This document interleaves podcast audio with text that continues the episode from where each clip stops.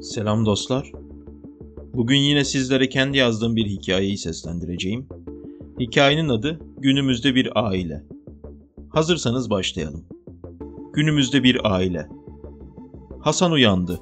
Yatağında gözleri açık bir süre bekleyip yatak keyfi yaptı. Ardından ağzını sonuna kadar ayırarak gerindi. Vücudu yay gibi sertleşti. Yatak odasının kapısı her nedense aralık bırakılmıştı ve içeriye inanılmaz derecede dışarının ayaz, kuru, cansız havası doluyordu.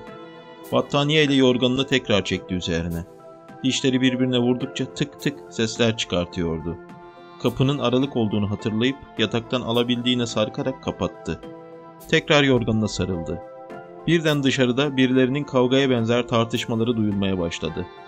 Hasan bu sesleri bir süre dinledi. Bu sesler annesi ve karısına aitti. Ve karısı şöyle diyordu. Yeter canım. Ne yani? Her gün aynı şeyler, aynı şeyler. Bıktım. Yaşım daha 19. Bu yaşında birini canından bezdirdiniz. Ama suç bende. Bana dediydiler. Sen o eve ne halt yemeye gelin gidiyorsun. Onları tanımıyorsun daha. Onlar ne mendebur, ne beynamazdırlar. Hele kendi içinde kavgaları yok mu? Allah Allah, çekilmez yeminle. Ama bu böyle sürmez. Ararım anamı babamı, götürürler beni. Yetti, yetti. Hasan'ın annesi ise, dur kızım, dinle bak.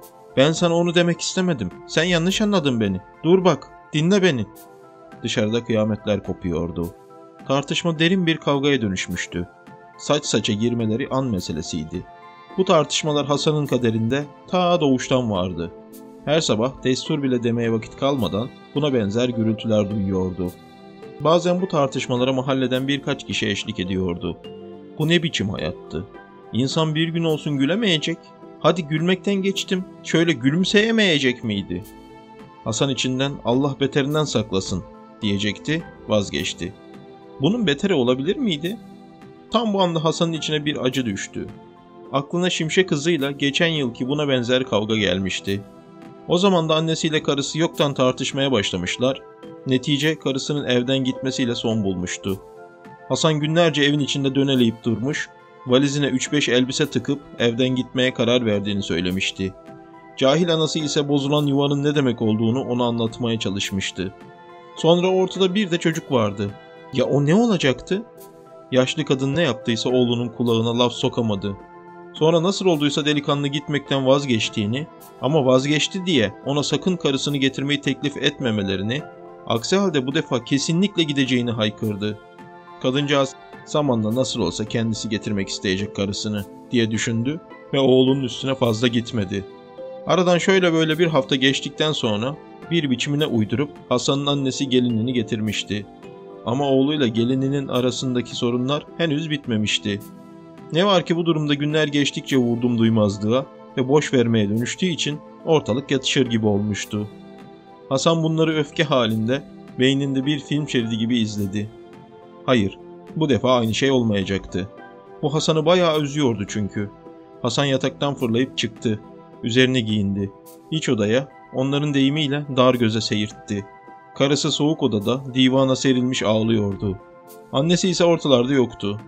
Hasan karısını yatıştırmanın şu anda uygun olmayacağını düşünerek geçti bir köşeye sığındı. Fakat karısı gözyaşları içinde ona dönmüş ve iğrenç bir şey görmüşçesine yüzünü buruşturmuştu. Hasan bir söz söyleme zorunluluğu duydu. Ne oluyor yine? Nedir bu? Bıkmadınız değil mi her gün didişmekten? Ayıp denen bir şey var canım ele güne karşı. Cık. Gücüm bir bana yetiyor değil mi? Hep senin yüzünden oluyor bunlar. Bir iş bulup götürmedin beni bu evden. Bir de suçu benim üzerime atıyorsun diye çıkıştı karısı. Ne suçu? Hangi suç? Ben kimseyi suçlamıyorum dedi Hasan. Ama ben de suçlu değilim. Bulamadım işte bir iş. Bulsam senin laflarını çeker miydim her gün? Hem nerede iş? Millet yabandan geri geliyor işten çıkartıldık diye. Çocuk oyuncağı mı bu canım? İş vardı da biz gitmeyeceğiz mi dedik. Tabi tabi. Üç yıl önce seni buradan götüreceğim diye söz veren sen değildin. Çocuk yaşımda kandırdın, alıp getirdin. Şimdi bin bir bahane. Tabi ya, ben uyduruyorum bunları. Bak Hasan, açık konuşalım. Ya beni buradan, bu evden, bu köyden götürürsün ya da ben başımın çaresine bakarım.